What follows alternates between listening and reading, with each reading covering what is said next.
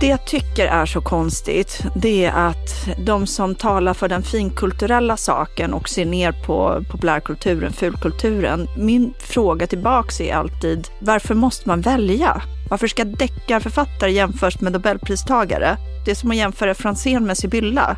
Jag tycker det är underbart med mosbrickor, bland det godaste jag vet. Men, men du kan inte liksom jämföra det med Franzén. Jag är litteraturens mosbricka, det är det jag står här och säger. I'm proud of it.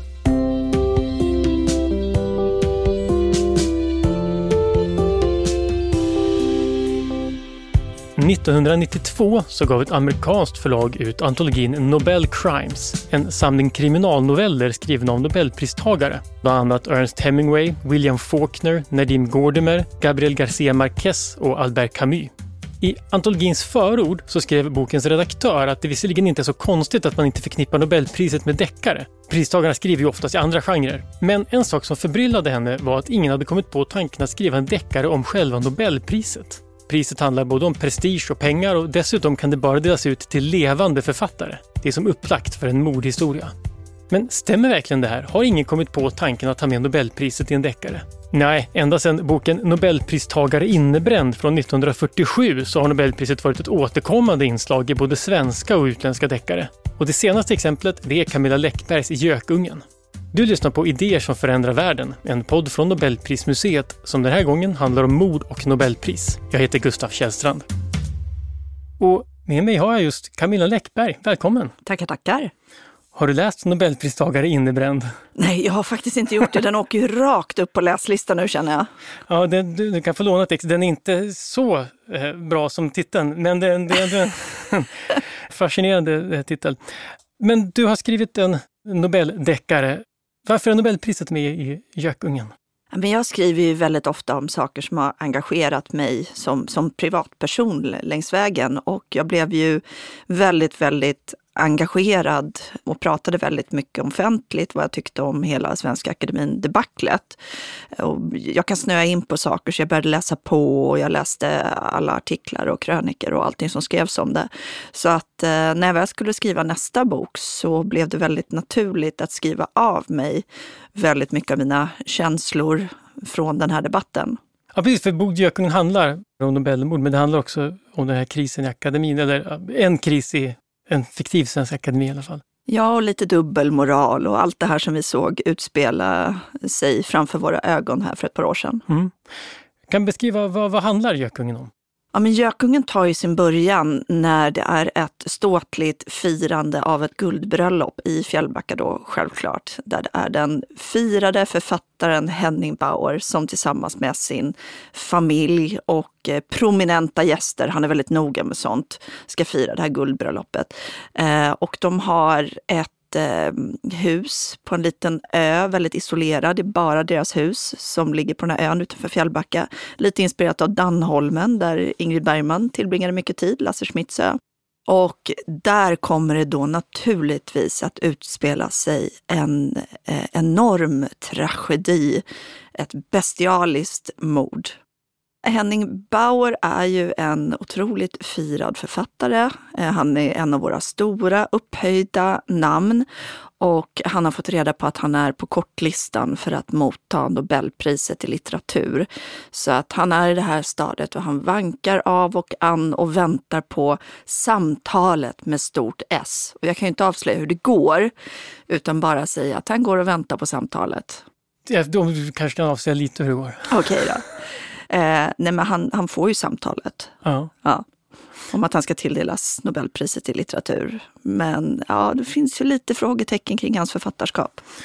Ja, men då har man den klassiska inledningen på en deckare. Det är ganska många klassiska deckarelement i det här. Ön som är som ett slutet rum och så... Jag skriver ju priset. Fjällbackaböckerna i en väldigt klassisk deckarstil så det är väldigt medvetet jag gör det. Jag vill ju ha mm. lite grann den här Agatha Christie-känslan. Camilla Läckberg är en av Sveriges mest lästa författare någonsin med över 30 miljoner sålda böcker. Hon är översatt till över 40 språk och hennes debutroman från 2003, Isprinsessan, har av Time Magazine utsetts till en av de 100 bästa deckarna någonsin. Förutom deckare så har hon skrivit både barnböcker och tv-serier och dessutom varit med i tv-program som Stjärnorna på slottet, Alla mot alla och Masked Singer.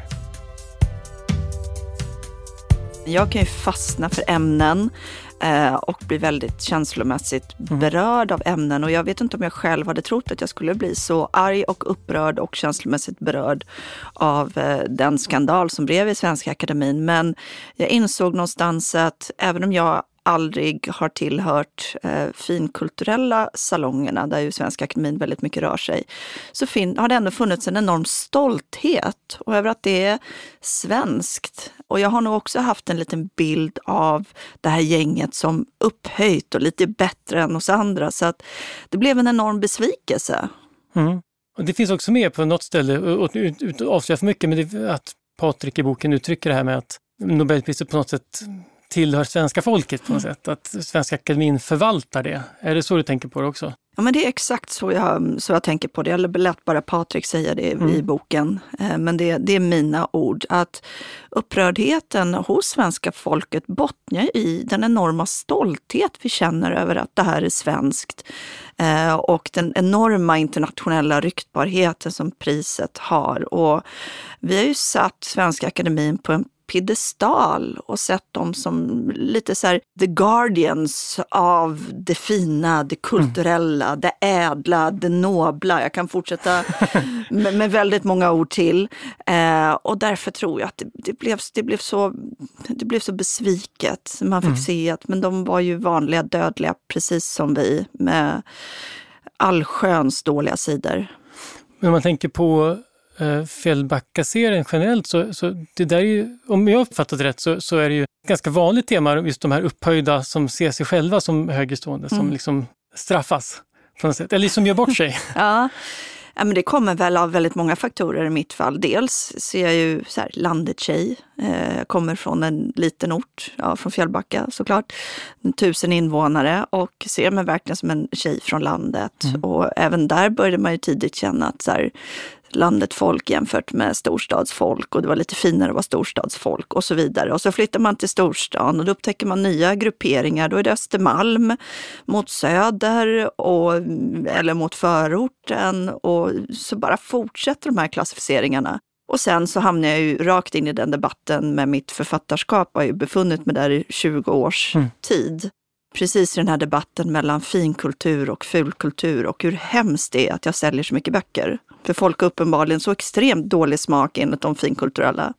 Just att, att, att, att böcker som folk läser skulle inte kunna vara bra. Det... Nej.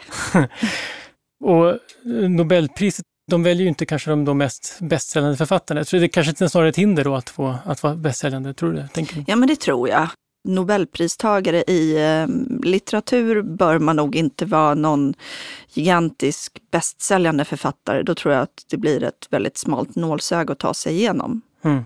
Nu skriver inte jag den typen av litteratur heller, vill jag bara påpeka. Så att, eh, det är inte så att jag eh, menar att jag diskvalificeras på grund av att jag säljer mycket böcker. Jag mm. skriver mm. ju heller inte den typen av litteratur som kvalar in för ett litteraturpris. Nej, men det är också intressant vilken typ av litteratur som kvalar in för ett litteraturpris. Det finns en värdering redan där.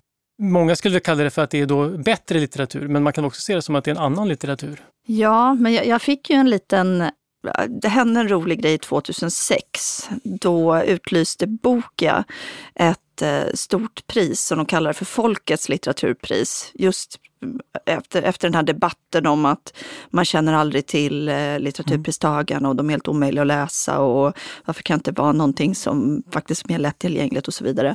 Så att eh, då gjorde man en omröstning och så fick folket dela ut, de röstade, eh, ett litteraturpris. Och då vann jag det för mm. boken Stenhuggaren. Eh, och det var stor pompig eh, prisceremoni på taket till Kulturhuset. De hade gjort det i samarbete med eh, Riks FM. Så att Gert Fylking var där naturligtvis. Och han hade fått dit Horace som ropade äntligen. Ah. Sådana här upplevelser kan man inte köpa för pengar.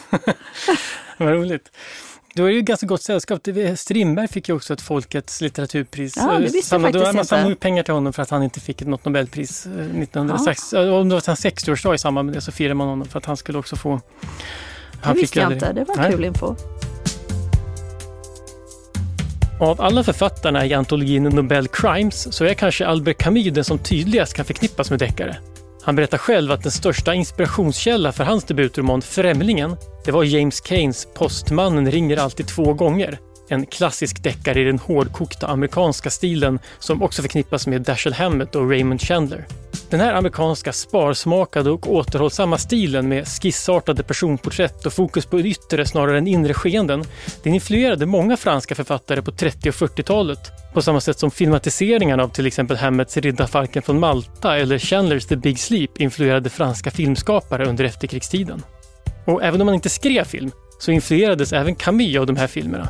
Han upptäckte nämligen till sin förtjusning att han var ganska lik Humphrey Bogart. Och särskilt den karaktär som han spelar i Riddarfalken från Malta, detektiven Sam Spade. Och det gjorde Camus så mycket av som möjligt. När han besökte USA 1946 så gick han hela tiden klädd i en lång trenchcoat och hatt och blev lika glad varje gång som någon påpekade hur lik han var Humphrey Bogart.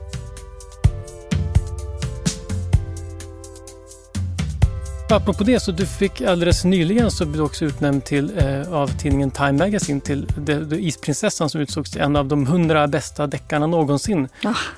Sportfrågan där, hur kändes det? Nej, men det, det, jag brukar ju vara bra med ord, men där har jag haft svårt att beskriva hur det känns. Jag såg att jag var taggad i en artikel mm. eh, via Instagram och gick in och läste. Jag var tvungen att läsa den tre gånger för att jag tänkte jag kan inte läsa rätt. Det här är ju helt otroligt. Och jag kollade igenom den här listan och såg så många av mina idoler, Stephen King mm. och John Grisham och Donna Tartt och Val McDermid. Det är obeskrivbart, den känslan. Och just Time Magazine vägger så himla tungt också. Men det har nog också fått många att klia sig i huvudet som har hackat på mig alla år. Mm. Att hur fasiken gick det här till då? Jag har ju sagt i 20 år att hon suger. Eh, så att jag har nog ställt till det lite. Men, men finns det en skillnad där med hur just ditt författarskap, då, hur det mottas i Sverige och jämfört med utomlands? Men jag har ju levt dubbla liv i 20 år, eh, vilket varit väldigt märkligt på många sätt. Att här i Sverige används jag ofta som avskräckande exempel på bred litteratur som man inte anser är välskriven mm. och som köps av folk för att de inte fattar bättre. Ungefär så. Medan utomlands så får jag väldigt mycket respekt och fina recensioner i tunga tidningar och där finns inte alls den debatten. Så att det har varit lite dubbla liv de här åren. Jag tänker på i Frankrike, så, så ditt förlag där, eh, Act Syd, det är inte vilket förlag som helst. De har gett ut bland annat en hel radda med nobelpristagare. Ja. Även Paul Auster tror jag. Ja, det är ett väldigt eh, ansett förlag. Jag träffade faktiskt Paul Auster på, tror det var Bokmässan i Lyon. Okay. Ett år. Ja. Det, och det tänker det är inte så många svenska författare som delar förlag med Paul Auster. Nej, det är, det är verkligen en annan situation utomlands. Um, och det har väl gjort att jag också så kunnat ta snacket hemma i Sverige lite mer med en axelryckning. Mm. Uh, för största andelen av mina böcker säljs ju ändå utomlands. Så att det har gjort att jag lite säger, ja ja, de får väl säga vad de vill då. Sen har jag också varit väldigt noggrann i alla år och säga att Eh, jag ser inte mig själv först och främst som en stilist. Jag ser mig först och främst som en berättare. Och jag har ett väldigt vardagligt språk som också har varit den perfekta bäraren för mina berättelser och gjort dem lättillgängliga för många. Så att jag har aldrig haft ambitionen att bli utnämnd till årets stilist till exempel. Jag säljer hellre många böcker och når ut till många läsare. Det tyckte jag när jag började läsa dina böcker, att det var det som slog mig. Att, och jag förstår med min stilist, men jag tycker att det var ganska, eller uppfattades som en ganska medveten eh, stilistisk poäng, den här vardagligheten. Mm. Som dels som du bär berättelse, men också är det som får en att vilja återvända till böckerna. För man vill liksom, det är en som är värd att gå in i. Men jag tänker på den här författarrollen som uppenbarligen spelar, ja men för ditt fall blir det liksom en sorts, man ska säga kluven eller liksom ja, men kanske en kluven roll. Men för att i, då, i Gökungen så Henning Bauer, det började med att berätta att han är väldigt noggrann med att det ska vara fina gäster på festen och sånt. Är, är liksom en författare som då inte säljer så mycket, som har det här finkulturella kapitalet. Hur tänker du på den rollen som har som, som författare? Ja, men jag tycker att det är ganska tydliga roller och eh, det är väldigt tydligt vad som är viktigt. Och det är till exempel inte fint om man är fin kulturell författare att ställa upp på något bjussigt hemma hos-reportage eller kräla bland ormar i Fångarna på fortet och så vidare. Då, då, sånt ska man hålla sig ifrån, annars tappar man cred bland kollegorna. Så jag tycker att det finns en ganska tydlig uppdelning i hur man ska vara som finkultur respektive fulkulturförfattare. Och då, och då för den här stackars Henning Bauer då, som, som är verkligen på toppen med sin 50-årsfest och, och eventuellt ett Nobelpris och sen när det börjar hända saker omkring honom, blir det liksom fallet högre då för honom? Att eh, det är inte bara jobbigt att folk, det är fruktansvärt, dör i hans omgivning, men också att det, liksom, det skadar hans rykte. Men det tror jag för många är det allra värsta som kan drabba dem. Att eh, man tappar sitt anseende, att fasaden krackelerar. Det finns rätt mycket människor som ägnar hela sin tid åt att putsa sin fasad. Ja, jo, verkligen.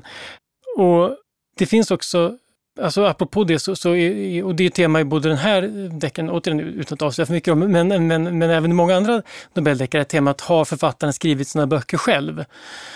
Är det liksom ett sätt att ett grundskott mot på något sätt en författares anseende att skjuta in sig på det han inte skrivit själv. Ja, men det kan man se även på filmen The Wife som mm. tog upp temat och det är, det är väl det, liksom den här bredsidan-skottet som man kan slå an i så fall. Och jag har själv varit en del av debatten nu med AI.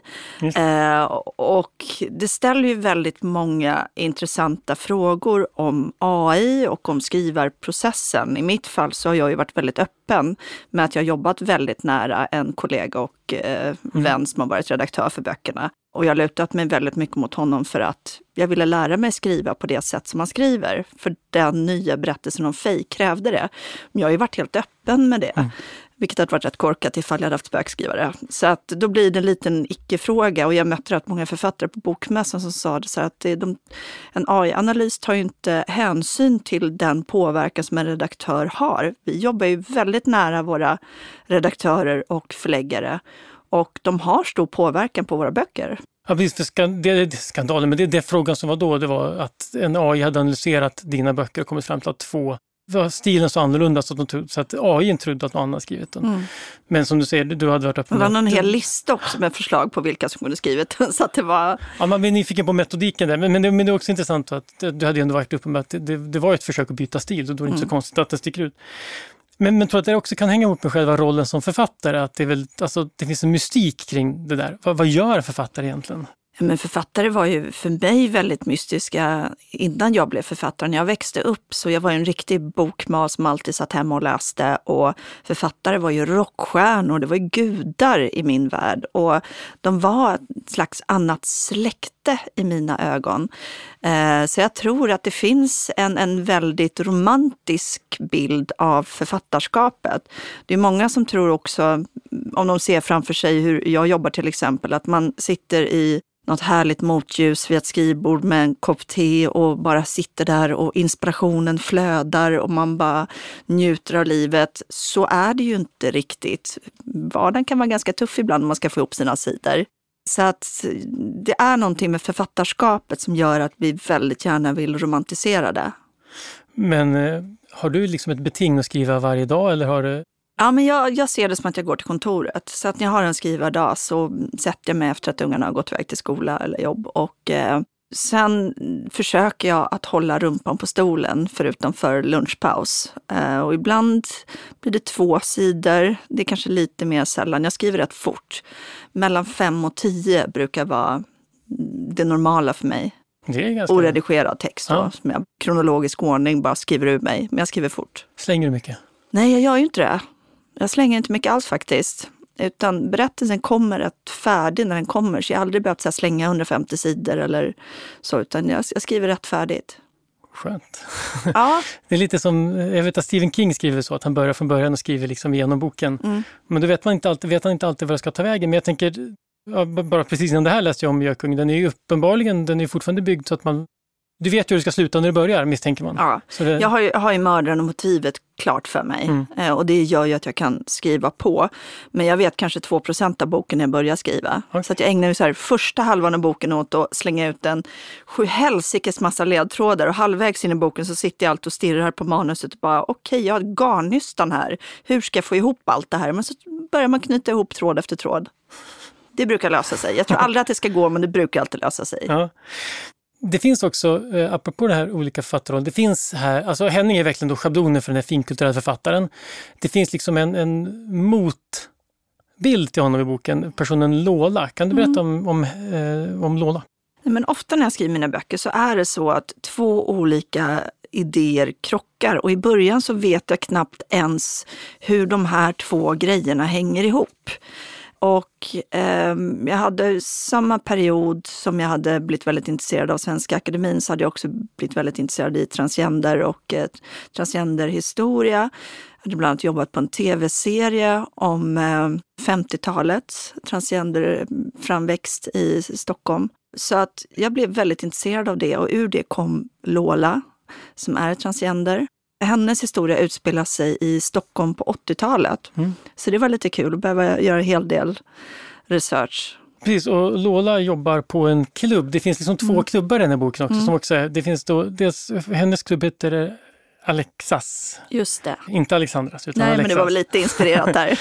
Jag ringde faktiskt Alexandra också och frågade lite grann om klubbar på 80-talet och sådär, så att hon var lite källa till information där. Och så finns, och så finns det klubben då Blanche som är, de är ja. klubben som, som finns idag. Men, men berätta om klubben Alexas, vad, vad händer där? Men Alexas är ju eh, en sån här riktigt hotspot på 80-talet där människor från ah, vad vi idag kallar hbtq-rörelsen samlas och där man får vara eh, sig själv helt enkelt. Eh, och Lola både jobbar där och har sina vänner där. Och, och Blanche, den klubben, om man jämför dem, vad, för den, den, det är ju en kulturklubb, men den är liksom nästan någon sorts motsats. Precis, klubben Forum eh, har ju väldigt mycket inspirerat Blanche, där bara den utvalda eliten får komma och det är violinistkonserter och eh, diktreciteringar och konstutställningar och fint ska det vara. Men, precis, men tänkte du på dem som motsatser i klubbarna? För det ena är väldigt inkluderande och den andra inte. Ja, det, jag gjorde inte det medvetet, men ibland så märker jag själv när jag läser igenom manuset så noterade jag samma sak och då tror jag att det är lite grann det undermedvetna som plockar fram det. Så att jag uppfattar det inte som att jag fattar ett aktivt beslut att göra dem till varandras motpoler, utan eh, upptäckte själv att de är ju verkligen antitesen av varandra. Ja, för jag tänkte på, för en sak som jag tyckte eh, eh intressant med det var att den person som tar med då Erika som, som tar sitt, mm. är ändå en person som hon känner och ja. tycker om. Så att du liksom inte... Nej, det är inte bara hemska människor. Det Nej. var inte bara eh, hemska människor på forum heller. Det fanns ju självklart en, en stor blandning, men det vad som var gemensamt var att man måste anses vara fin nog mm. att tillhöra. Och det som är så intressant med en sån klubb och som vi också då fick se utspelas i media när allt rullades upp, eh, är ju att det, det blir väldigt mycket makt som samlas i toppen. Den som sitter och väljer ut, vem är inne, vem är ute, vem ska bjudas in och få läsa upp sin debutnovellsamling, vem ska ges en chans att ställa ut sina konstverk. Det, det, det hamnar väldigt mycket makt och makt korrumperar. Mm. Är det ett, liksom ett genomgående tema, inte bara i den här boken, utan också liksom i Fjällbackaserien, med makt som korrumperar? Ja, men jag är rätt fascinerad av det, för jag är också väldigt fascinerad av varför makt korrumperar. Varför blir det så? Varför verkar det vara så få människor som klarar av att hantera makt? Varför blir vi knäppa när vi får makt och bara vill ha mer och gärna lite grann använder det till att göra oss för mer och trycka till andra? Det verkar vara något väldigt grundläggande mänskligt i det. Varför tror du att det är så? Det är väl någonstans survival of the fittest. Det är väl Darwin man får gå tillbaks till någonstans och hitta förklaringen. Det är väl en överlevnadsstrategi att skaffa sig övertaget i flocken så man inte riskerar att bli utstött. Bengt Söderbergs bok Nobelpris till mördaren från 1968, skriven under pseudonymen Joakim Bergman, börjar med en middag i en villa på en klippa vid den italienska kusten där två av gästerna är huvudkandidater till årets Nobelpris i litteratur. Under middagen så går de två författarna undan till terrassen och efter ett tag så hörs ett högljutt gräl. Plötsligt tystnar rösterna och strax därefter kör en bil iväg. När de andra gästerna ser efter vad som har hänt upptäcker de att terrassens räcke är trasigt. En av författarna har fallit till sin död nedanför klippan och den andra har kört därifrån. Vem lever och vem är död? Och vem ska få Nobelpriset? Mördaren eller offret? Det här greppet att läsaren inte vet vem som vare sig mördar eller offer är inte så vanligt i vilken deckare som helst. Men att också lägga till Nobelpriset blir ett sätt att göra frågan om vem som är vem mer angelägen. Så Nobelpriset spelar roll i den här boken, men den handlar inte om själva priset och vad som krävs att få det. På samma sätt är det med John Mårtenssons Nobelpristagaren och döden från 1973. Där är mordoffret en kemipristagare, men det är inte därför han mördas. Utan det är för att han använt sina kemiska kunskaper för att skapa ett supervapen som ska användas i en militärkupp. Nobelpriset används alltså mest för sin status och för att ge en internationell superskurk en anledning till att råka mördas just i Sverige. I böcker som Öppen grav av Kjell Eriksson, Nobels testamente av Lisa Marklund, Skugga av Karin Alvtegen eller Klickad av Karin Boys, där är Nobelpriset och den prestige det innebär istället själva motivet. Antingen för att någon är beredd att mörda för att få priset eller för att någon som får priset blir mördad av någon som tycker att den inte borde ha fått det. Det är ju det som är så fantastiskt med makt. När man står och har makten i sina händer så har man ju ett aktivt val man kan göra. Ska jag använda det här till något bra eller ska jag använda det här till något dåligt? Det är som att stå och hålla en kniv. Ska jag använda den här för att sticka i magen på någon eller ska jag använda den här för att laga en fantastisk måltid? Det är inte knivens fel utan det är hur du väljer att använda den. Mm. Men vad får folk att välja gott i, i Fjällbackaböckerna?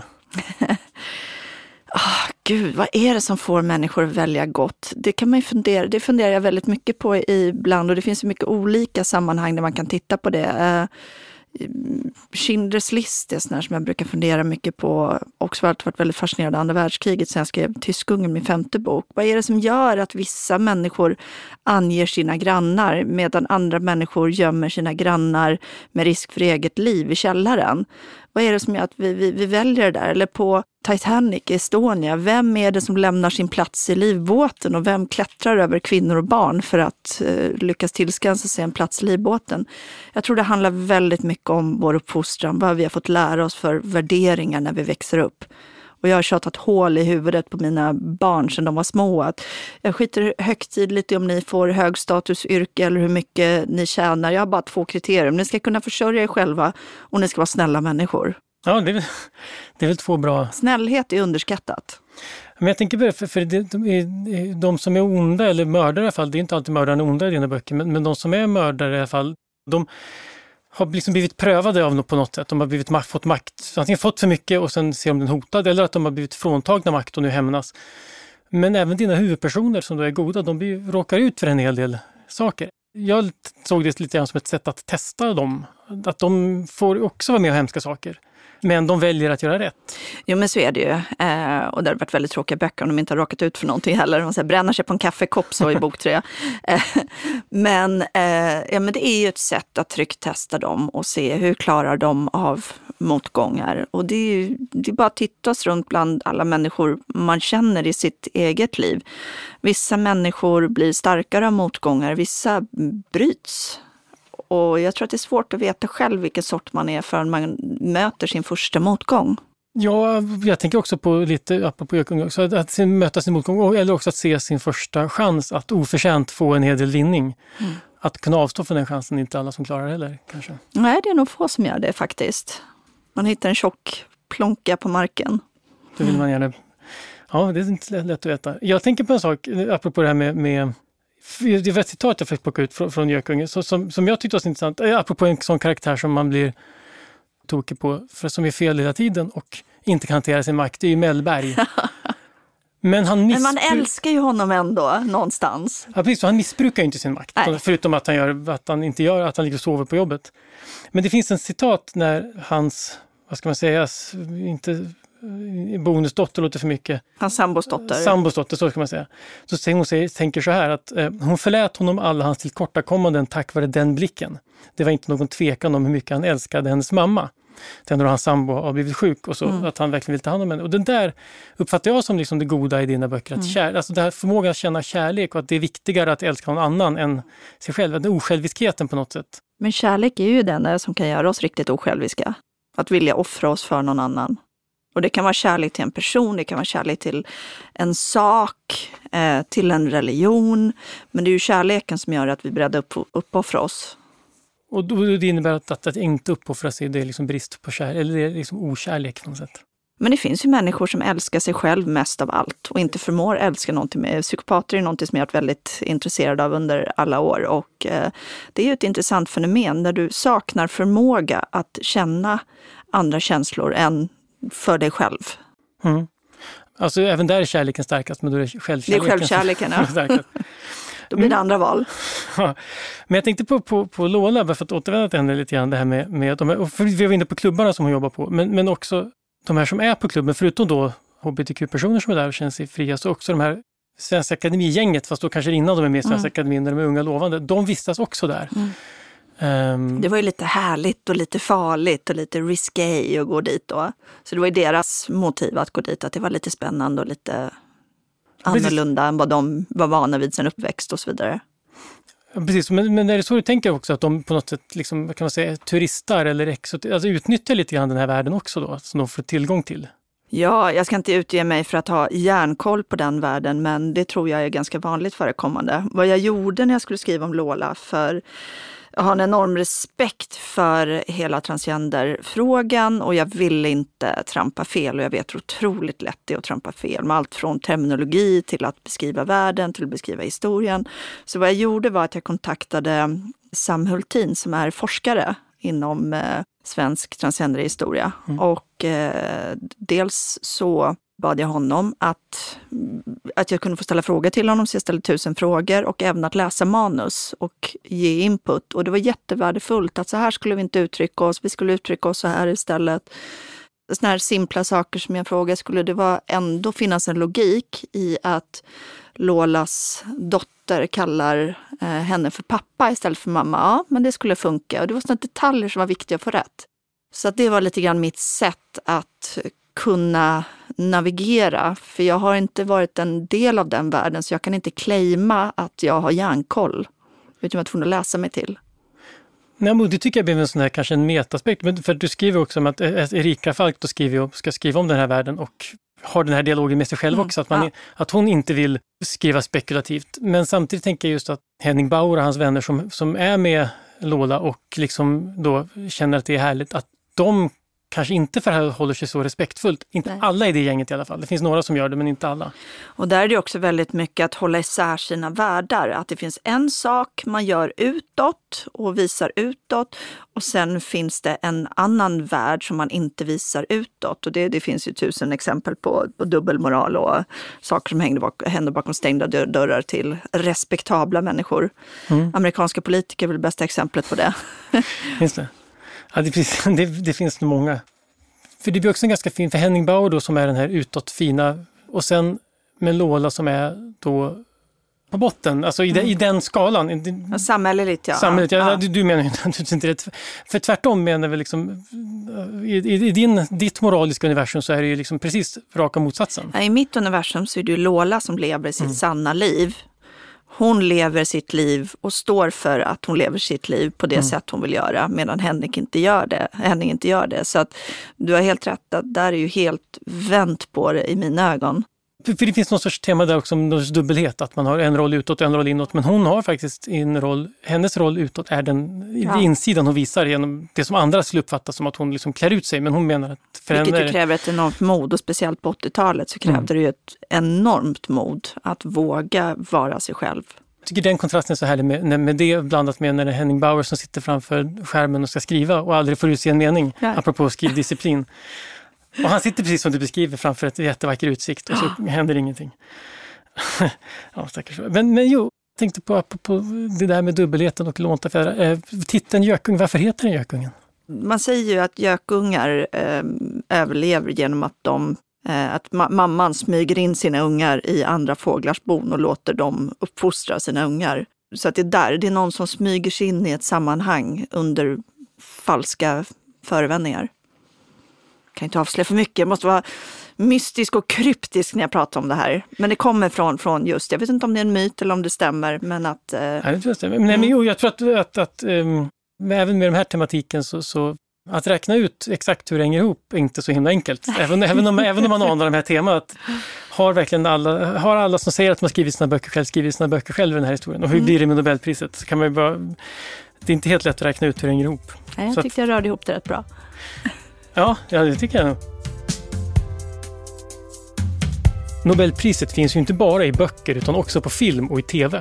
Dels finns det filmer som handlar om personer som fått priset. Den mest kända är kanske A Beautiful Mind där Russell Crowe spelar ekonomipristagaren John Nash. Och dels finns det karaktärer som är Nobelpristagare för att man ska förstå att de är extra smarta som presidenten Jed Bartlett i West Wing.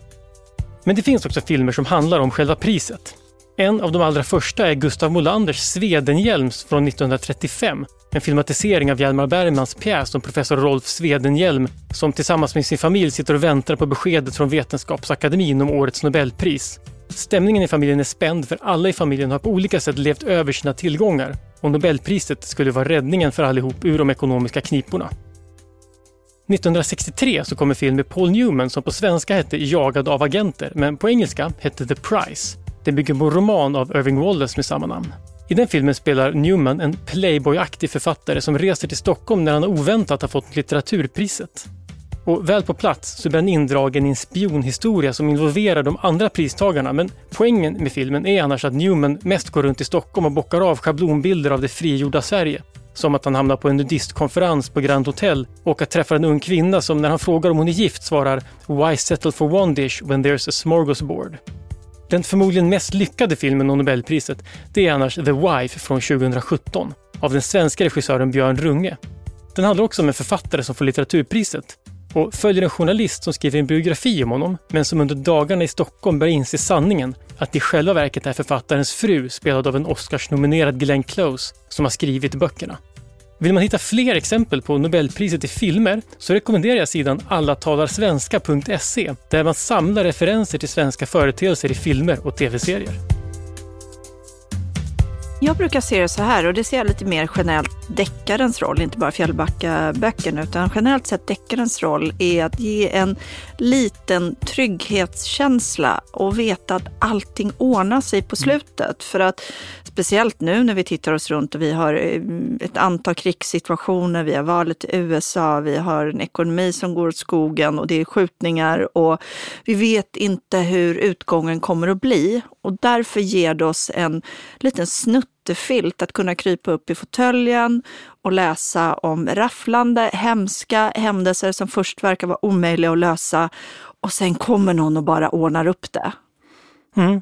Det är ju ofta liksom att de är väldigt de är kluriga, det är ju liksom förnuft som används. Men det finns också, där vi var inne på det här med gott och ont, att det finns också i dina böcker, kanske mer än i många andra deckare, också ett mått av känsla som mm. kommer in. Att det handlar om att, ett emotionellt återställande av världen på något sätt. Men jag gillar när det goda vinner. Mm. Eh, och det är lite så som de gamla cowboyfilmerna, när det var enkelt och man visste att skurken hade svart hatt och hjälten hade vit hatt och vita hatten kommer att vinna. Så det, det är något härligt i det, att låta det goda vinna. Speciellt med tanke på att det onda verkar ha ett lätt övertag just nu. Jag tänker på Nobelpriset, eh, det hoppas man ju då att det, är liksom, att det är liksom som slutet på en annan historia, att det får man om man har lyckats göra något bra, eh, vetenskapligt upptäckt eller skrivit något. Den här typen av, alltså alla typer av då skandaler som kan skada prisutdelare eller pristagare, om låt säga att det skulle vara en pristagare som är i en skandal på riktigt. Vad tror du? Du pratar om besvikelse mot Svenska Akademin, är det här också en del av den? Skulle det vara en sån besvikelse också, att det här priset liksom inte finns, det är också något som bringar ordning som förstörs? Ja, jag tror att de, gör, jag tror att de väver in ett sånt eh, bedömningstagande när de väljer pristagare. De måste ju självklart vara väldigt, väldigt medvetna om hur mycket det skulle smutsa ner priset eh, om det kom fram någon, någon hemsk hemlighet om, eh, om de pristagare. Men det har ju varit debatt om mm. nazistsympatier och så vidare. Så, så att eh, de fattar ju lite modiga beslut ibland fast de vet att det kommer bli en, en debatt om just den saken. Men du kritiserar Svenska Akademin för att de inte lever upp till vad de borde vara, men, men tycker liksom att den här typen av institutioner och kanske också priser, är de i sig någonting dåligt eller är det bra att de finns om de sköts rätt? Jag tycker om de sköts rätt så tycker jag det är fantastiskt um, och, och, har ju alltid varit stolt över Svenska Akademin. Och det är inte så att det ställs några övermänskliga krav på dem, utan kraven är ju i princip bestående av att uh, kladda inte på folk, uh, täck inte upp någon som kladdar på folk, uh, håll koll på pengar pengarna, ge inte bort lägenheter till familjemedlemmar. Eh, jag kan fortsätta en stund till, men det, det är liksom inga omänskliga mm. krav. Uppför er som folk. Följ reglerna och uppför er som folk. Det är det enda ni behöver göra. Men, men eh, om maktmissbruk är någonting dåligt, bör, man, bör, bör det finnas människor som har sån här makt eller borde man liksom avskaffa Nobelpriset? Nej, det tycker jag faktiskt inte. Det, det, det är också lite grann här samma som diskussionen om, om kungahuset. Eh, jag hamnar i diskussion med kompisar om det ibland som tycker att vad sjutton ska vi med ett kungahus till? Och jag brukar alltid försöka förklara det att vi behöver lite saker i världen som har lite guldkant. Vi behöver lite saker som, som gnistrar. Eh, vi kan inte bara ha så här leråker och knäckebröd. Vi, vi måste ha något, lite kaviar också på tillvaron ibland. Eh, och nu menar jag inte bokstavligen att man måste äta kaviar, det är inte så jag menar. Eh, det är inga stekta sparvar som ska flyga in i munnen. Men eh, jag tycker att det finns ett behov av någonting som är lite upphöjt och talar för kulturen. Men det gör ju att det blir väldigt mycket fokus på litteratur just kring när Nobelpriset mm. eh, utdelas. Och då börjar vi prata böcker och, och vi pratar författare och, och, över hela världen så sitter vi och pratar böcker i det ögonblicket mm. när Nobelpriset utdelas. Och det tycker jag är fint, att boken får en sån betydelse för ett ögonblick.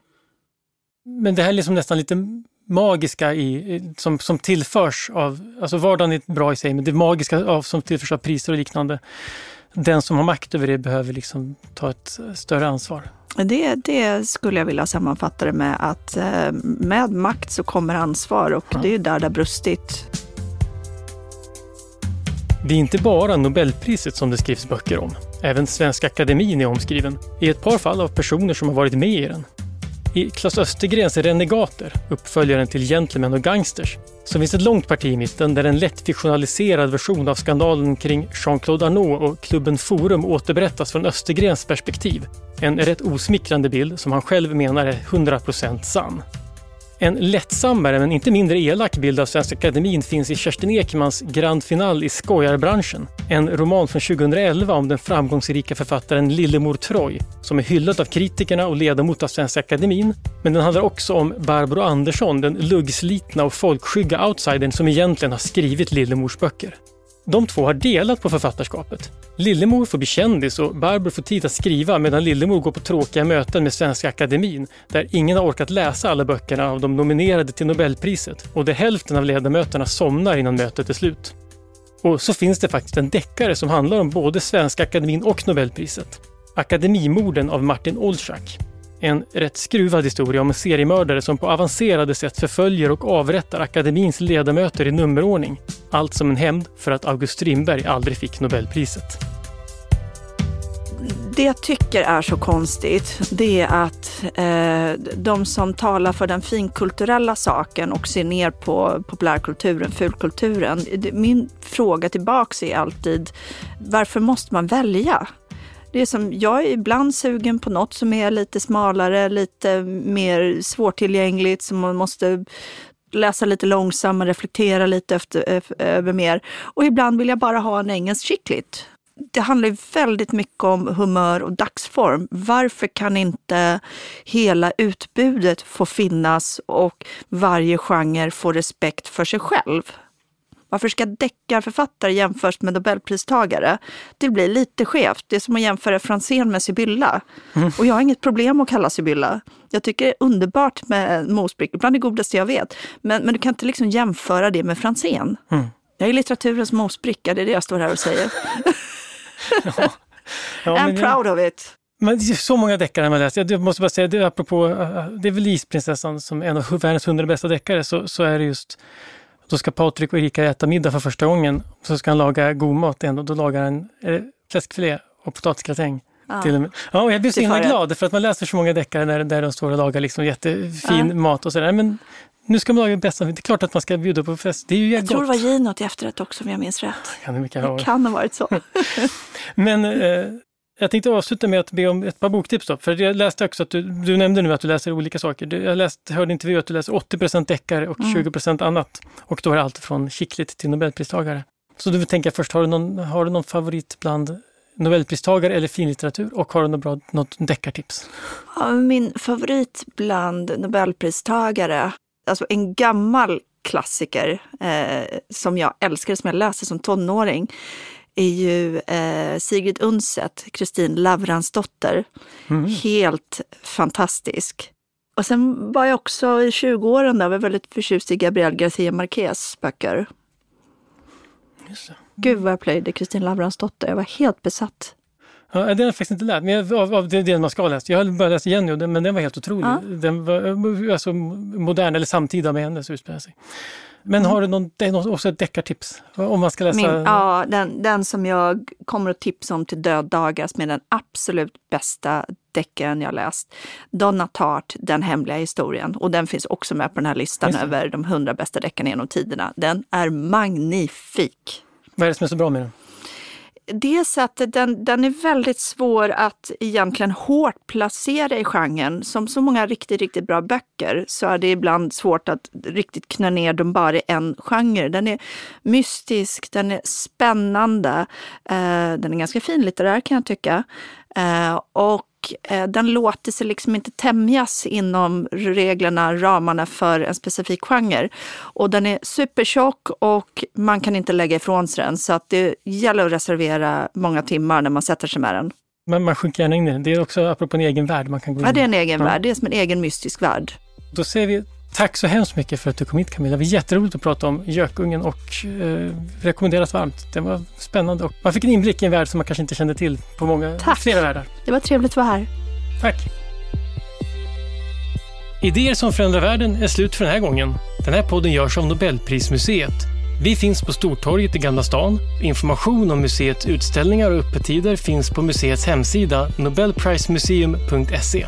Du kan förstås också följa oss på Facebook och Instagram. Och vill du veta mer om Nobelpristagarna och deras arbete så gå gärna till Nobelprisets hemsida nobelprice.org. Och ett stort tack till Nibe Group, EF Education First, Knut och Alice Wallenbergs stiftelse och familjen Erling Perssons stiftelse som möjliggör Nobelprismuseets verksamhet. Idéer som förändrar världen görs i samarbete med produktionsbolaget Filt, producent är Andreas Wiklund och jag heter Gustav Källstrand. Vi är snart tillbaka med nya intressanta samtal.